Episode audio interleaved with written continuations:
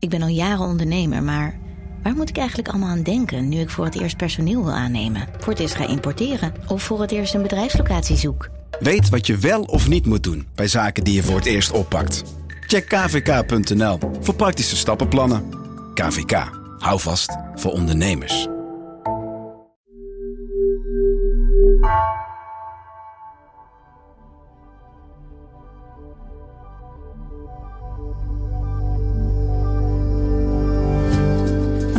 Redactie van NRC, de zomer van vandaag. Deze zomer presenteren we vier bijzondere series. Deze week Doping Doodnormaal. Een driedelige serie waarin verslaggever Camille Driessen in de wereld van anabolen duikt. Want wat blijkt? Nederland is een grote speler in de illegale dopinghandel. Camille spreekt met gebruikers, onderzoekt hoe anabolenbendes te werk gaan en vraagt zich af: hoe normaal is dopinggebruik in Nederland eigenlijk?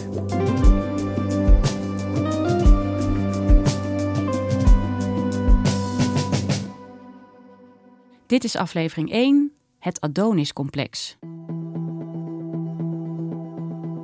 Weet je, weet je nog hoe dat ging, die eerste keer dat je zelf zo'n spuit had? Kan je dat eens beschrijven? Ja, dat ik hem zelf ging zetten, Ja. ik vond het super eng. Ja, ik zag die naald en ik dacht, zo, het is een flinke naald. Dat vond ik heel spannend, want het kan ook verkeerd gaan natuurlijk. Wat, en, wat, en wat zag je aan je lichaam? Ja, echt een gigantische toename. Ik was eh, toen de tijd 16 kilo aangekomen, puur aan spier. Mijn arm was groter dan mijn hoofd, daar heb ik ook nog foto's van. Vond jij het mooi? Ja, toen de tijd wel. Als ik nu die foto's zie, denk ik, wat een opgepompte Harry. Ja, het ziet er niet uit.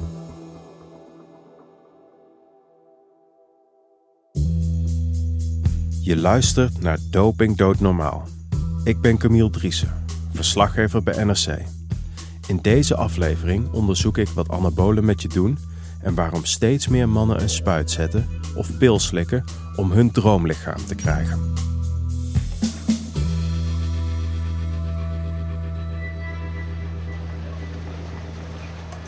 Producer Nina van Hattem en ik staan aan een drukke weg voor een groot appartementencomplex in Utrecht. Het is bloedheet. Waar moeten we naartoe? De vijfde verdieping. Hey. Ja, tuurlijk. In de deuropening staat de 31-jarige Jordi Terstegen al te wachten. Hij is sportief gekleed, heeft een brede glimlach en tatoeages op zijn gespierde armen. Jordi is sportfysiotherapeut en personal trainer. En hij begint meteen te vertellen over zijn sportdoelen. Ik ben op dit moment aan het trainen voor een, eh, een Ironman. Dus ik ben heel veel aan het wielrennen. Voornamelijk conditietraining. En dan, eh, ja, als ik pauze heb van werk en ik eh, heb tussen mijn patiënten door heb ik wat tijd, dan, ja, dan ga ik zelf sporten. Ja, dat doe ik wel echt krachttraining. We gaan op de bank zitten. Zonder dat ik er naar vraag, vertelt hij hoe hij in 2014 in aanraking kwam met anabolen. Ik sportte echt al een, best wel een tijdje. En op het moment dat ik op mezelf ben gaan wonen, hier in Utrecht, ja, ben ik ook naar een sportschool gegaan hier. En toen kwam ik in contact met meerdere mensen en raakte aan het praten. En dat was in eh, 2014. Nou, ik was toen net aan het trainen en ik was, die periode was ik ook heel onzeker over mezelf. En eh, er was een jongen in de sportschool, die was echt hartstikke groot. En hij was heel vriendelijk. En zei, laten we een keer samen gaan trainen. En eh, toen eh, zei hij tussen neus en lippen door van... ja, ik wil binnenkort eigenlijk wel een kuurtje gaan doen. En eh, wil je dat ook? Ik zeg, nou ja, ik ga dat niet zomaar doen. Hij zegt, ja, ik ga dat ook niet zomaar doen. Al die spullen zijn getest. Dus ja, als je het fijn vindt, kan je eerst kijken hoe ik het doe... en wat voor eh, resultaten teweeg brengt bij mij. En eh, ja, dan kan jij het ook proberen. En toen heb ik eigenlijk, eh, ben ik naar zo'n eh, arts geweest, een sportarts... om te kijken of mijn lichaam het aankon. En dat kon het. Ook met de juiste voeding wel heb ik dat gedaan. Dat zei de sportarts. Ja, Jordi sportte in die tijd soms wel meerdere keren per dag. Hij was al gespierd, maar het was niet genoeg. Ik vraag hem waarom hij besloot de stap te zetten. Ik was toen de tijd heel onzeker over mijn benen. Ik ben eigenlijk alleen anabolen gaan gebruiken om de toename van spiergroei in mijn benen. Hoe, er, hoe was je toen met je uiterlijk bezig? Hoe vaak keek je in de spiegel per dag? Ik was constant met mijn uiterlijk bezig. Ja. En de reden ook waarom ik ben gaan trainen, dat was ook daardoor, omdat ik ook onzeker was. Ja. En had jij iemand, had jij een, een eh, idool of zo? Ja, ik heb heel lang een idool gehad. En dat was uh, Mike Tyson. En uh, Tupac, dat luister ik heel veel. Here we go, round one. Ik zoek foto's op van Tyson in zijn hoogtijdagen. Ik zie de bokser met een sixpack en tatoeage van Che Guevara op zijn buik. Zijn biceps puilen uit. Ook zijn borstkas en schouders zijn enorm. Ik weet niet of ik er zo uit zou willen zien. Maar voor jongens als Jordi is dit het ideaalbeeld. op een gegeven moment uh, had ik toepak ingehaald qua spiergrootte. Toen dacht ik, nu moet ik een nieuw idool hebben. en toen uh, had ik altijd een achtergrond uh, van Tupac en Mike Tyson. Nou, ik dacht dat was perfect. En dat, Mike Tyson was ook echt een flinke kerel. Is hij nog steeds. En ja, zo gespierd wilde ik eigenlijk worden. Ja. In de media gaat het vaak over vrouwen die obsessief met hun uiterlijk bezig zijn en minder over mannen. Maar als ik om me heen kijk, zie ik steeds meer jonge mannen die heel erg serieus aan hun lichaam werken en die extreem gespierd willen worden. Sommige van hen grijpen naar doping en dan specifiek naar anabole steroïden. Hoeveel gebruikers er precies zijn is niet bekend. De dopingautoriteit schat dat er in Nederland 40, misschien wel 50.000 gebruikers van anabolen zijn. En zij lopen serieuze gezondheidsrisico's. Waarom gaan gezonde, sportieve jongens als Jordi anabolen gebruiken? In het begin is het dan zo, je begint met trainen en dan zie je, je ziet eigenlijk heel snel al uh, verandering. Tot op zekere hoogte, want dan moet je of je trainingsschema aan gaan passen of je moet meer eten. Maar dat, ja, als je dat wat vaker doet en je bent jaren verder, dan het houdt een keer op. Er is, er is een grens zeg maar, van hoe groot je kan worden. En je hebt bepaalde doelen. Dus dan moet je dus wel iets gebruiken eigenlijk. En wat gebruikt jij nou? Testosteron en DK. En dat is echt heel snel groter worden. Je hebt dan de naald en er zit dan uh, de testosteron en DK zit daarin. Er mag geen lucht bij zitten, dus je prikt eigenlijk in de spier. Um, nou, je, zit nu met je handen op je, op je bovenbeen, de, plek, de plek waar je het deed? Ja, ja. ja. Ehm, en dan ga je kijken, oké, kan ik die spier opzoeken? En dan prik je. En als je dan goed prikt, ja, dan kan je zeg maar de test en deka inspuiten. Doe je dat niet, moet je opnieuw prikken. Testosteron en DK, dat zijn dus die anabolen. Maar hoe werken anabolen? En wat gebeurt er als je het in je been spuit? Om daarachter te komen ga ik naar de Anabole Poli in Haarlem. We lopen het Spaarne Gasthuis ziekenhuis binnen en zoeken naar het bordje Anabole Poli. Door de draaideur. We kunnen hier rechts een kroket eten, denk ik, als we willen. Denk ik ook. Oh, daar is de polyklinieken. Dermatologie, gipskamer, noem maar op, maar de anabole poli staat er niet tussen. De anabole poli valt onder de afdeling interne geneeskunde. Internist Pim de Ronde komt ons tegemoet lopen. Hey. Ja, hey. Camille ja. Driessen. Nina van Houten. Hi. Dankjewel. Hij is lang, heeft een getrimd baardje en loopt met grote passen door de gang. Pim richtte in 2010 de eerste anabole poli van Nederland op. Gebruikers en oud-gebruikers kunnen hier terecht met klachten en vragen. Pim gaat zitten achter een groot houten bureau en ik op de plek van de patiënt. De afgelopen tien jaar heeft hij honderden gebruikers uit het hele land tegenover zich gehad. kun je wat vertellen over ehm, de gemene deler bij uh, anabole gebruikers? Waarom gaan zij gebruiken? Nou, bij die gemene deler even te beginnen. Het gaat eigenlijk allemaal om mannen. Hè. We hebben 99% eh, jonge mannen gezien. Mannen meestal in de leeftijdscategorie ergens tussen de 20 en de 40 jaar. Het zijn eigenlijk allemaal amateursporters. Hè? Dus het zijn geen, geen topsporters, geen wielrenners of wat dan ook. Het zijn gewoon jongens die uh, vaak wel uh, fanatiek krachtsporten, naar de gym gaan. En dan op gevoel of later ook een keer ja, dit soort middelen gaan gebruiken. Dus het zijn eigenlijk hele doorsnee jongens die met elkaar gemeen hebben dat ze aan de gewichten hangen. En dat heeft er vaak mee te maken dat ze na een aantal jaren trainen toch tegen een bepaalde natuurlijke barrière aanlopen. Waardoor ze denken van nou, ik wil gewoon de volgende stap zetten. En dan zou je daarvoor deze middelen kunnen gebruiken. Dat ze niet groter worden eigenlijk. Ja, ja. ja want uh, nou, laat daar geen misverstand over bestaan. Deze middelen werken echt. Hè? Daar hoef je geen twijfel over te hebben. En veel jongens die het een keer gebruikt hebben, die voelen zich ook gewoon beter. Uh, ze maken sneller resultaat, het libido gaat omhoog, het energieniveau gaat omhoog. We rapporteren vaak meer zelfvertrouwen, hè, dus het is ook wel een soort confidence booster. Ja, dus het geeft die jongens in ieder geval veel voordelen. Pim haalt drie witte Tupperware-bakjes tevoorschijn. Op eentje zit nog een sticker. Pasta met saus. Door de doorzichtige deksel zie ik kleine glazen flesjes met etiketten in verschillende kleuren. Ja, dit zijn dus ehm, ja, middelen uh, zoals ze ehm, ja, besteld kunnen worden hè, via internet of in de sportschool. Als je het over anabole steroïden hebt, dan heb je het eigenlijk over een groep van verschillende middelen die allemaal heel sterk lijken op het mannelijk geslachtshormoon testosteron.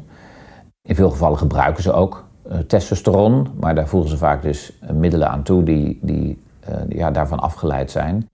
Dit is dan supertest, testosteron enantaat en testosteron decanoaat. Dus dit is een flesje met 10 milliliter substantie. En dat is, ja, zou dan testosteron moeten zijn. En dat moet je injecteren, meestal 1 of 2 milliliter per week.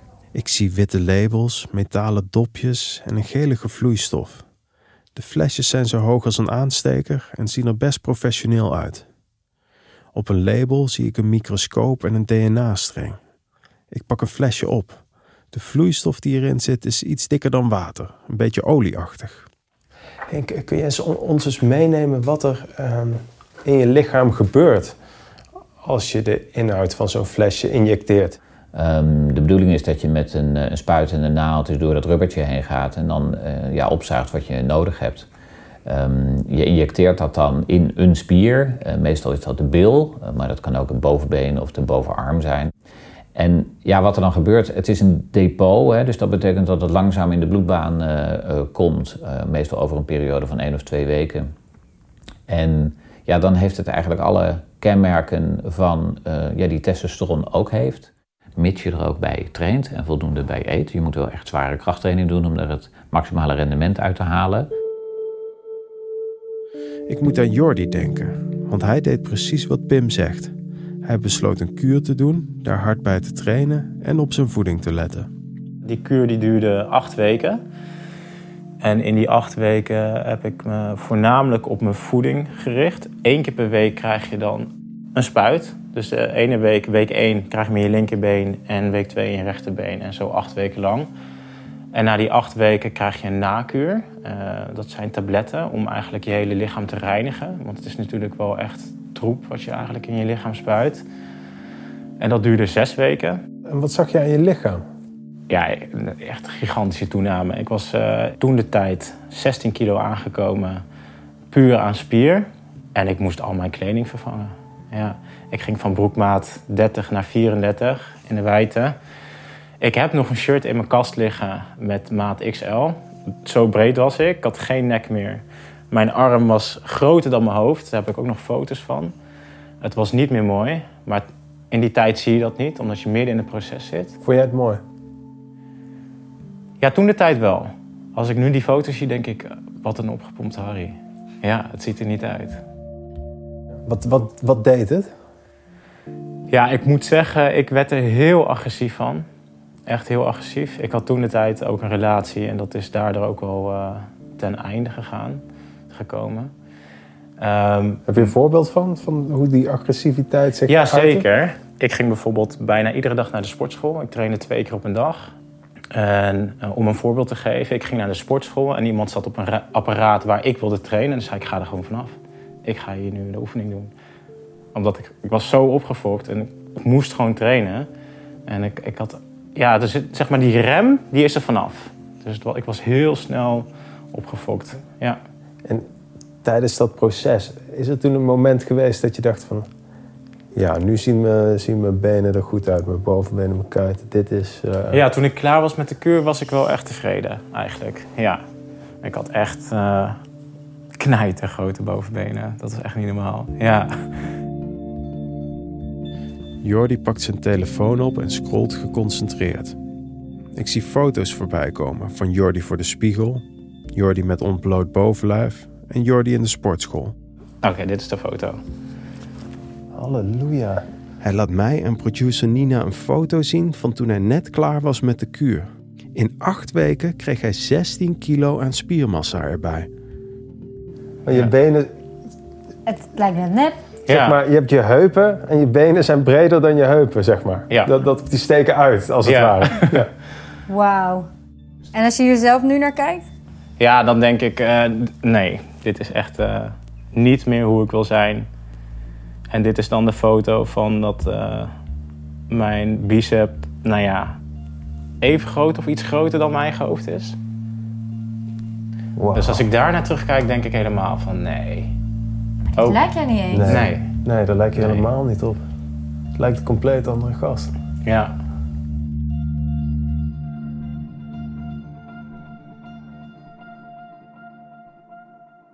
Het werkt dus. Dat zie ik duidelijk op de foto's van Jordi. Maar is het niet gevaarlijk? Zelf testosteron in je beenspier spuiten? Zo snel spieren aanmaken? Agressief gedrag? Ik vraag het aan internist Pim. Hij pakt een flesje op, schudt het heen en weer en begint een hele rits bijwerkingen op te noemen.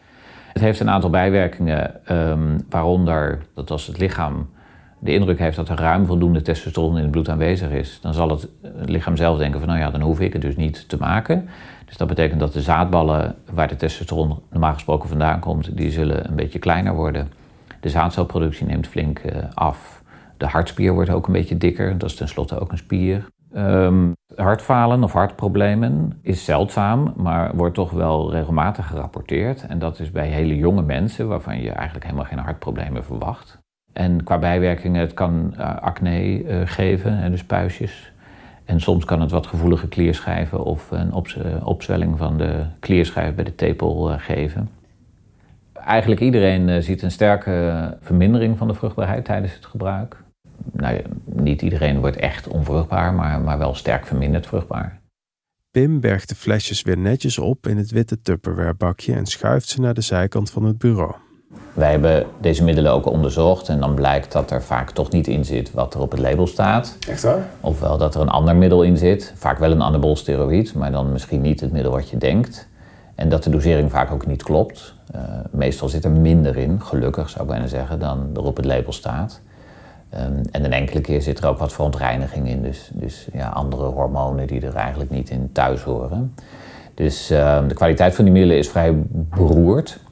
Eh, en dat is ook een deel van het risico natuurlijk, dat je eigenlijk niet zo goed weet wat je nou precies injecteert. Zeg je eigenlijk wel eens stoppen mee nu? Ik zeg dat wel eens. Ja, waar ik altijd naar informeer, of eigenlijk altijd de vraag stel van waar moet dit nou allemaal toe leiden? Wat wil je ermee? En soms hoor je dan ook dat het hele onrealistische doelen zijn. Dat ze ja, eh, 20 kilo spiermassa erbij willen of, eh, of Mr. Olympia willen worden. En dan, denk ik, en dan, ja, dan, dan, dan kan ik ze uitleggen dat dat, dat, dat, dat niet gaat lukken. Ehm, en dat ze dan beter daar nu mee kunnen ophouden dan, eh, dan er over vijf jaar achter komen dat ook met heel veel van die middelen ja, ze alleen maar problemen gaan krijgen. Als het zoveel bijwerkingen geeft, waarom zou je het dan toch gaan gebruiken? Jongens hebben blijkbaar nogal veel over voor dat gespierde lichaam. Een belangrijke verklaring heeft psychiater Harrison Pope van Harvard Medical School. Hij is al over de 70 en houdt zich al decennia bezig met mannen en hun lichaamsbeeld. Pope is de bedenker van de term het Adonis-complex. Dat slaat op de obsessie van mannen met een gespierd lichaam. Adonis is een figuur uit de Griekse mythologie. Die wordt gezien als het symbool van mannelijke schoonheid. Volgens Pope is het mannelijke schoonheidsideaal de afgelopen decennia getransformeerd en verklaart dat het toegenomen anabole gebruik.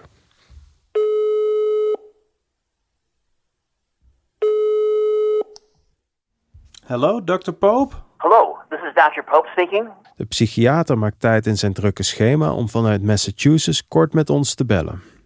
My father and my grandfather never worried about whether they had a six pack. It would never have even occurred to them to be a concern.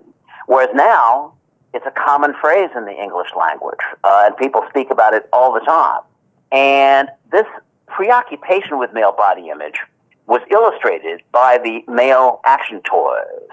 Um, if you look at America's favorite male action toy, which is G.I. Joe, in the 1960s, when he first appeared, he was a perfectly ordinary looking man. But by the 70s, he has already grown more muscular, and by the 90s, he has grown dramatically more muscular. And, and, and you and I see these images of muscular bodies in advertising, in television shows, in Hollywood movies, in cartoons, um, everywhere around us. Uh, and it has become increasingly common.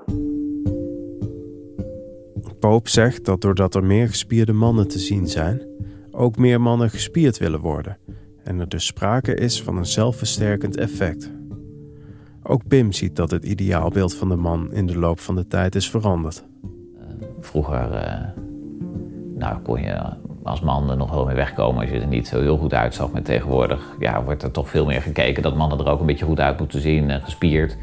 En ook als je kijkt naar uitingen in uh, advertenties, in films, in sociale media, dan zie je dat het uiterlijk van de mannen heel erg veranderd is. Althans, het, wat gezien wordt als het ideale uiterlijk.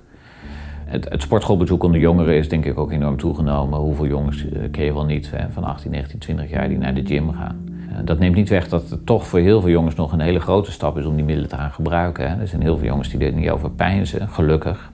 Dus lang niet iedereen besluit anabolen te gebruiken. Maar wat voor types doen dat wel? Motieven zijn wisselend. Kijk, er is een deel wat gewoon heel fanatiek met krachtsport bezig is, daar alles voor over heeft en dus ook dit soort middelen. Er is een type dat gewoon in het begin van het jaar begint te kuren om er gewoon in de zomer gewoon goed bij te lopen op het strand. En er is een groep die er überhaupt niet erg over nadenkt, maar vrij impulsief uh, ja, besluit om dit soort middelen te gaan gebruiken. Zijn daarom vaak ook jongens die ook wel andere middelen gebruiken. Ecstasy, GHB, partydrugsachtige middelen, daar kom je ook vrij veel tegen in deze categorie. En dat vind ik ook alweer bijzonder, omdat het voor een deel dus jongens zijn die heel fanatiek aan het sporten zijn en heel erg met hun voeding en training bezig zijn. En er dan eigenlijk helemaal geen probleem van maken om ook drugs te gebruiken. Kan niet, kan niet zoveel kwaad en uh, waarom niet? Als we de spreekkamer van Pim verlaten, denk ik aan Jordi. Hij past goed in het plaatje. Ook hij was erg bezig met zijn lichaam, lette op zijn voeding en sportte fanatiek. En ook hij experimenteerde met andere middelen. Na zijn eerste kuur doet Jordi een nakuur, bedoeld om de eigen testosteronproductie weer op gang te brengen. Ja, tijdens de kuur en uh, de nakuur heb ik eigenlijk nergens last van gehad. Ook um, ja, op seksueel gebied niet, wat je eigenlijk vaker wel hoort. Dat, dat mannen daar problemen mee uh, hebben gehad. Het is eigenlijk nadat ik ben gestopt met de nakuur... ben ik op een festival ben ik in één keer knock-out gegaan. Ja, die nakuur was voorbij en ik was met een vriend van mij was ik in Amsterdam. En uh, dat was toen de tijd was het heel hip om een uh, designer druk te nemen. En uh, we moesten met het pontje naar de, naar de overkant, naar het NDSM-werf. En daar was het feestje. En op het pontje namen we het tegelijkertijd. En na een minuut was het al zo dat ik, dat ik het al voelde. Dus ik zei zo, zo ik, ik voel me al lekker gaan hoor. En toen zei hij, ja, dat, dat kan toch niet? Ik zei, nou ja, ik voel het toch echt. Hij zegt, nou, chill toch? Dus ik dacht, ja, oké, wel chill. Ja, dan kan ik daar een beetje op chillen. En een, een minuut later werd het alleen maar erger. En toen zei ik van, ik word gewoon helemaal onrustig. Mijn hartslag is heel hoog en uh, het voelt toch niet zo fijn. En toen zei hij, joh, doe even rustig aan. Het werd alleen maar erger en erger en erger. En ik kwam binnen. Uh, hij zei, probeer nog normaal te doen, want anders kom ik misschien niet binnen. Dus nou, ik heel hard mijn best doen en het lukte nog. Dus wij waren binnen en ik ging op mijn hurken zitten. En er was een heel groot uh, soort van kampvuur voor ons. En ik keek om me heen naar allemaal mensen. En echt iedereen was aan het veranderen in blubber. Een gegeven moment toen was ik helemaal aan het wegtollen en ik viel, viel om.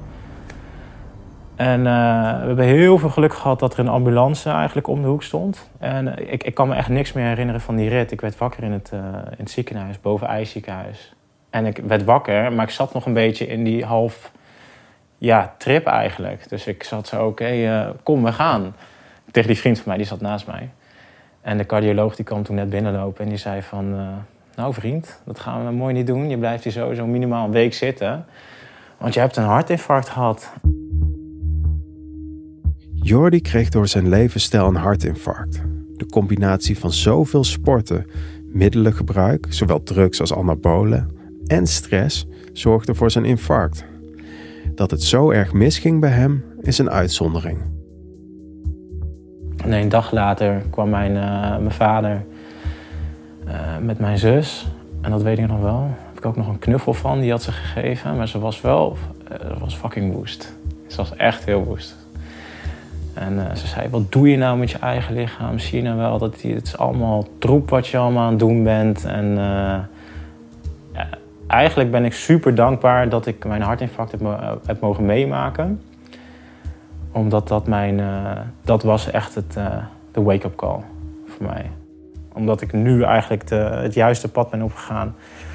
Eigenlijk alleen maar gezond leef, gezond eet, uh, veel aan het bewegen ben. En ik heb er mijn werk van gemaakt. Jordi glimlacht trots als hij vertelt wat hij ervan heeft geleerd. Hij is blij dat hij zich als fysio- en oefentherapeut kan inzetten. Nou, het is super mooi. Nu help ik mensen. En kan ik dit delen, zeg maar. Ik heb dit meegemaakt. En nu probeer ik eigenlijk iedereen te beteren. In, uh, ja, als het mentaal is of uh, fysiek, het maakt, het maakt niet zo heel veel uit. Ja, wat voor gebied dan ook. Als het gesprek afgelopen is, schiet mij nog een vraag te binnen. Hoe kwam zijn sportschoolmaatje eigenlijk aan die anabolen? Waar kwam het vandaan? Dat kwam van de jongen. Ja, ja hoe, hoe kwam hij eraan? Dat kwam via vrienden, familie. Ja. Dat, ik weet niet hoe hij eraan is gekomen. Ik weet alleen dat hij het had en uh, dat ik het van hem kon kopen. Ik geloof, dat, ik geloof dat ik 150 euro betaald. Dat is niet zo heel veel eigenlijk. 150 euro voor een kuurtje anabolen? Hoe werkt dat precies? Doping is toch illegaal? Maar tegelijkertijd is het super makkelijk te krijgen. Sterker nog, Nederland is een grote speler in de illegale dopinghandel en er wordt weinig tegen opgetreden. Hoe dat zit, dat hoor je in aflevering 2. De dopinghandel.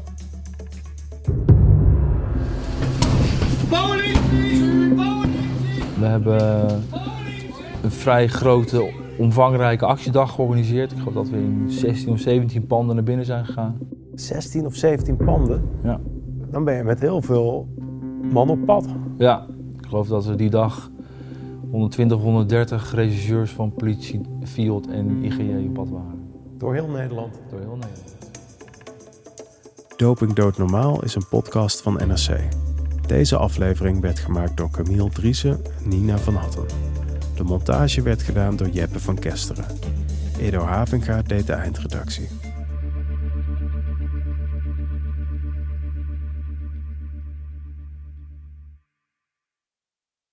Technologie lijkt tegenwoordig het antwoord op iedere uitdaging.